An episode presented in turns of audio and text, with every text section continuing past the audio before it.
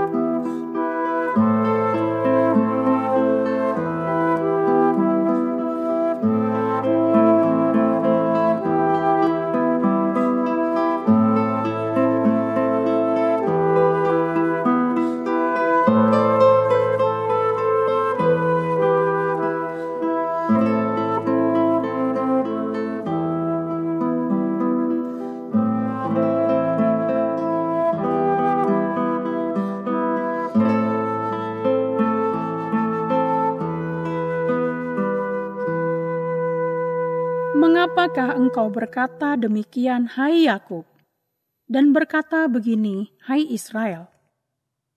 Hidupku tersembunyi dari Tuhan, dan hakku tidak diperhatikan, Allahku. Tidakkah kau tahu dan tidakkah kau dengar? Tuhan ialah Allah kekal yang menciptakan bumi dari ujung ke ujung. Ia tidak menjadi lelah dan tidak menjadi lesu. Tidak terduga pengertiannya. Dia memberi kekuatan kepada yang lelah dan menambah semangat kepada yang tiada berdaya. Yesaya pasal 40 ayat 27 sampai 29.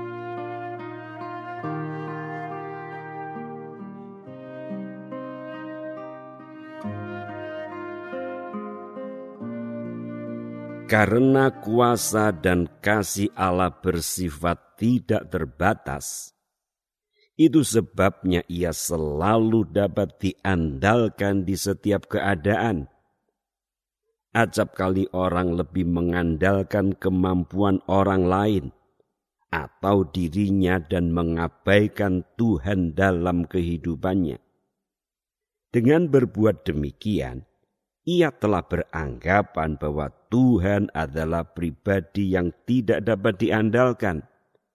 Di saat yang sama, ia berpandangan bahwa orang lain atau dirinya dapat lebih diandalkan daripada Tuhan.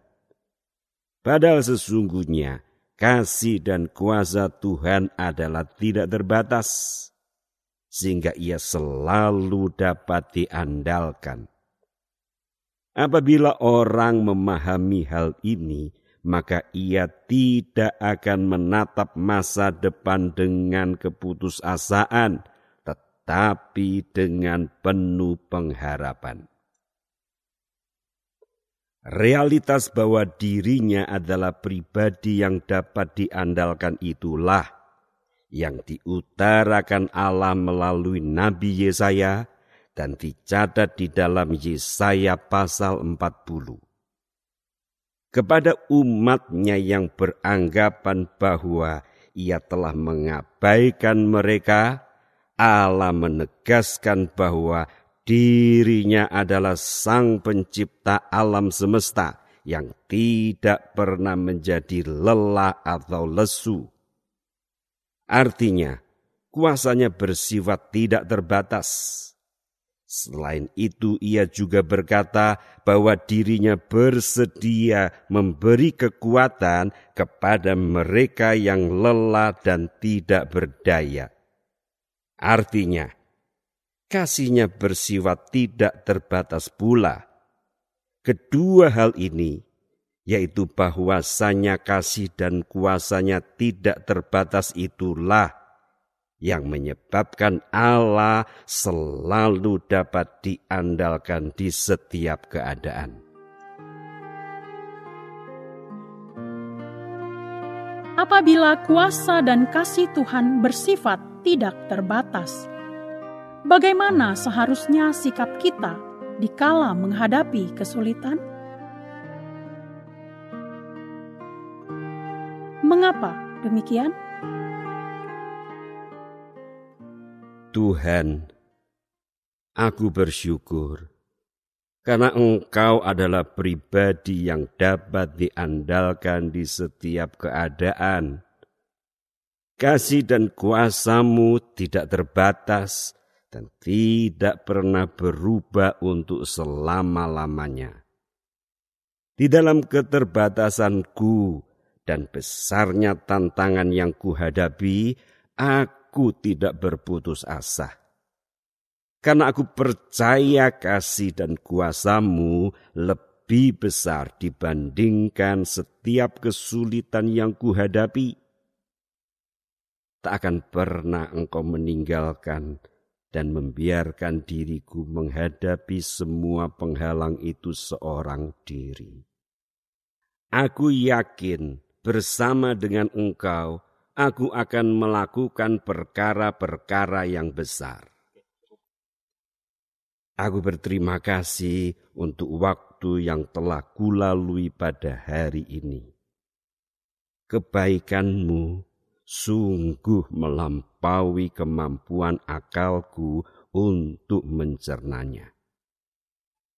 Di setiap saat, engkau menuntun dan menyertai diriku dengan roh dan firman-Mu. Di saat aku harus membuat pilihan-pilihan, Engkau membimbing diriku agar mampu membuat keputusan yang benar.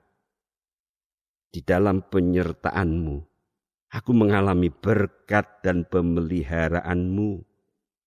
Di dalam keyakinan itulah aku menatap hari esok tanpa merasa ragu. Ke dalam tanganmu yang penuh kasih dan kuasa itu, aku mempercayakan hidup dan masa depanku. Di dalam nama Yesus Kristus, Tuhan dan Pembelaku, aku berdoa. Amin. Berdoalah untuk orang-orang yang sedang memerlukan dukungan doa Anda.